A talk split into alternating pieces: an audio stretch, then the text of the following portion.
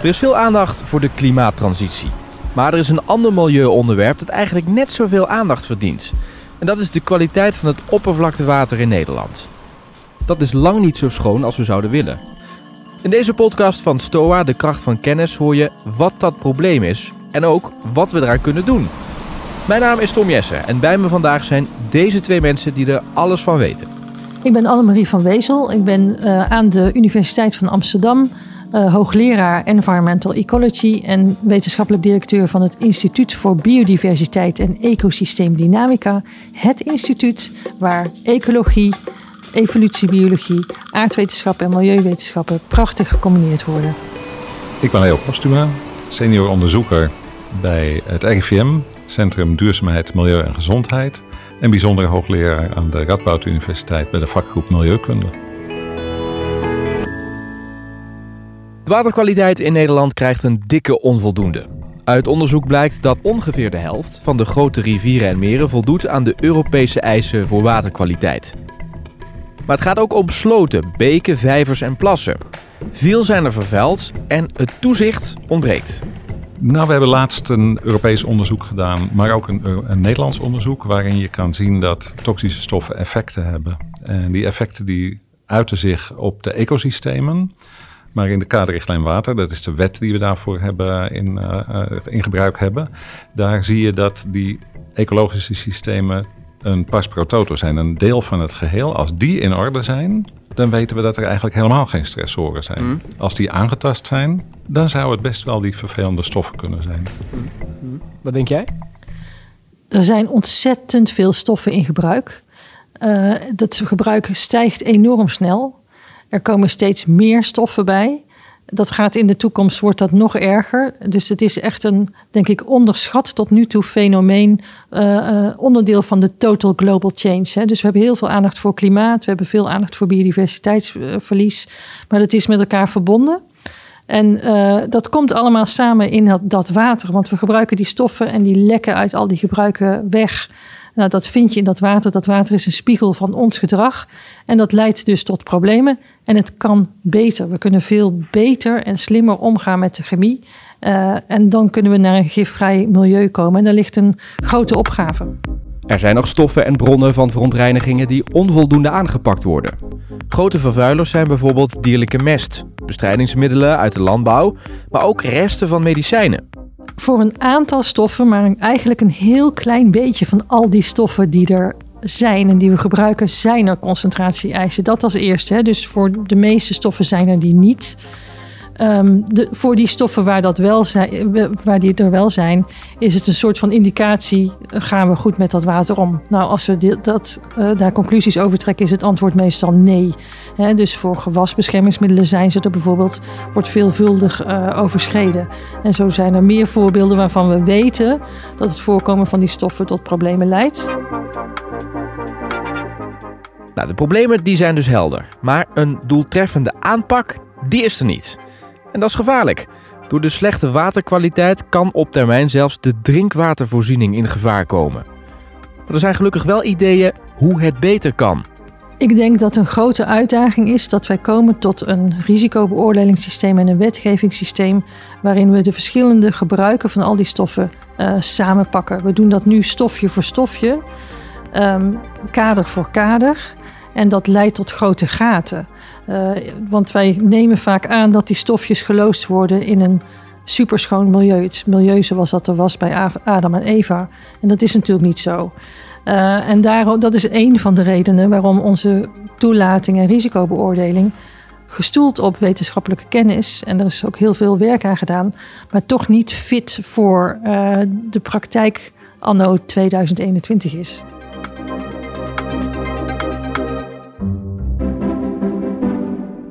Het aantreffen dat er een stoffenprobleem was, dat is 1962 geweest met Silent Spring. Toen was er een groot effect op uh, vogels op de Amerikaanse campussen. Toen dachten ze Silent Spring, het wordt nu heel stil op de campussen. Daarna zijn we dus um, de aanvallen op al die stoffen begonnen. Omdat er zo ontzettend veel zijn, is daar veel geprioriteerd. En zoals Annemarie net al zei, ja, dat leidt dan tot goede normen voor 150 stoffen. Die dan ook elk apart beschermend zijn voor mens en milieu. Maar stoffen komen nooit alleen. En daar begint dan het probleem wat we tegenwoordig zien. Meer stoffen in lage concentratie die samen een effect hebben wat we eigenlijk niet willen. En dat effect is? In dit geval is het uh, wat wij op TVM bekeken hebben met collega's, dat is het verlies van biodiversiteit. Maar dat is dus meteen het signaal dat er iets aan de hand is, omdat je het water ook wil gebruiken voor drinkwaterproductie en voor irrigatie en voor weet ik het welke andere mhm. mooie doeleinden. Ja, ideeën genoeg. Maar om het probleem op te lossen dringen verschillende organisaties aan op betere samenwerking tussen bijvoorbeeld overheidsorganisaties die over die waterkwaliteit gaan.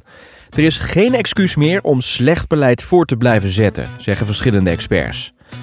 Doordat er meer aandacht komt voor het probleem, is die samenwerking misschien ook wel makkelijker. Ik denk dat, er veel, dat de aandacht inderdaad sterk groeiende is. En dat heeft te maken met de Europese Green Deal van Frans Timmermans. Waarin echt expliciet die, die wens op, of die ambitie om tot een schoon, gifvrij milieu te komen, uh, is geuit. Um, en daar is de chemische strategy for sustainability uh, nagekomen. En ik denk dat dat issues zijn um, nou, die, die breed gevoeld worden.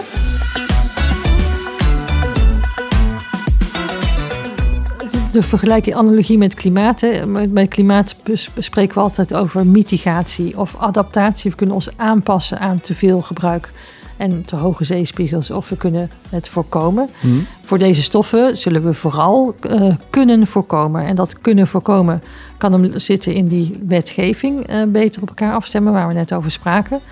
Het kan hem ook zitten in toch veel beter zeg maar, de maatschappelijke meerwaarde van dat gebruik erbij betrekken. Dus soms ook weigeren om bepaalde stoffen in een bepaalde gebruik, omdat het gewoon helemaal niet nodig is en alleen bijvoorbeeld bij marketing uh, gevolgen heeft. Het kan gaan om het slimmer ontwerpen van uh, stoffen, zodat je bijvoorbeeld uh, uit reststromen um, basismateriaal gebruikt om weer nieuwe stoffen op te bouwen. En die ook zo bouwt dat als het in een lineair proces gebruikt wordt, dus met lekkage naar het milieu, goed afbreekt. En als het in een circulair proces is, nou, dan juist heel stabiel blijft, want dan wil je dat dat cirkeltje blijft draaien. En het kan hem zitten in allerlei milieutechnologie. Dus we hebben heel veel verwijderingsmethoden voor dit soort stoffen. Hè, waardoor een fabrieksuitstoot, een, koeienstal, uh, nou ja, verzin maar waar je al die emissie uh, realiseert, waar, waar, je al die uitstoot realiseert, je die uitstoot heel erg fors kan beperken. We weten uit Zwitserland, het Zwitserse voorbeeld, waar ze heel veel van dat soort uh, technologie hebben geïnvesteerd in uh, uh, rioolwaterzuiveringsinstallaties, dat je gewoon grote emissie, dat je grote kwaliteitsverbeteringen op die manier kan realiseren en betaalbaar kan zijn. Sinds corona is alles betaalbaar. Hè? Maar sowieso, de Zwitsers kost het maar twee kopjes koffie per jaar. Zwitserse kopjes koffie dan wel. En in die aanpak is er ook aandacht voor de mengsels van giftige stoffen in het oppervlaktewater. Ja, de, het belang van de mengsels is, uh, laat maar zeggen, op een gegeven moment uh, duidelijk geworden in Europa en in de wetenschappelijke wereld. En het is altijd een beetje een ondergeschoven kindje gebleven van hoe doe je dat dan? Nou is er een tijd geleden hebben we daar een gedachte over ontwikkeld. Uh, je kan uh, stoffen aggregeren op een uh, manier waarbij de relatieve toxiciteit van elke stof meegewogen wordt. De ene stof is vier keer zo toxisch als de andere. En daar kan je iets mee. Daar hebben we de, het concept toxische druk voor ontwikkeld. Uh, dat is dus de druk die het water oplevert voor de soorten die er wonen. En wat bedoel je daarmee? Nou, de, de, de mate van druk, dat is de belemmering van uh, het gezond functioneren. En de soorten die er wonen zijn alle... Uh... Alle aquatische organismen, de, ja. de soorten verzamelingen die er um, in watersystemen okay, voorkomen. Ja. ja. Daar hebben we dus een manier voor um, ontwikkeld en gevalideerd om de verschillende stoffen te kunnen aggregeren tot één maat. En dat is een ongelooflijk belangrijke maat voor de waterschapper, degene die uiteindelijk het waterbeheer moet voeren. Waarom? Omdat je dan in plaats van die 150 stoffen met 150 getallen per monster er één krijgt op een schaal van 0 tot 1. En dat is gevalideerd. Hoe hoger, hoe meer de ecologie belemmerd wordt en hoe gevaarlijker het water is dus voor allerlei vormen van maatschappelijk gebruik. Hm. Exact, dit is een belangrijke mijlpaal. Is een zeer belangrijke mijlpaal. Het maakt het samenvatten van waterverontreiniging in eenvoudig duiden, duidbare begrippen makkelijk. Hm. En daarmee kan je met bestuur, de waterschapper uh, besturen, die zijn toch degene die dan de maatregelen uiteindelijk voor gaan kiezen en betalen. wij allemaal, via de waterschapslasten, is het uiteindelijk gewoon een hele goede manier om te communiceren en samen te vatten. Hoe zit het met de meetbaarheid daarvan? Nou ja, je hebt eigenlijk verschillende manieren waarop je dat kan doen. Leo praat eigenlijk over de multi-chemical multi, uh, SPAF, hè, de MS-SPAF.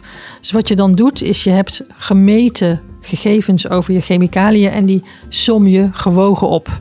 Dat betekent dat je die som, die vertelt net zoveel als wat eronder zit. Dus dat geldt voor die chemicaliën die in jouw som zitten. Je weet dat lang niet alles in je som zal zitten, want je meet niet alles. Dat is een reden waarom er ook met effectmetingen wordt gewerkt.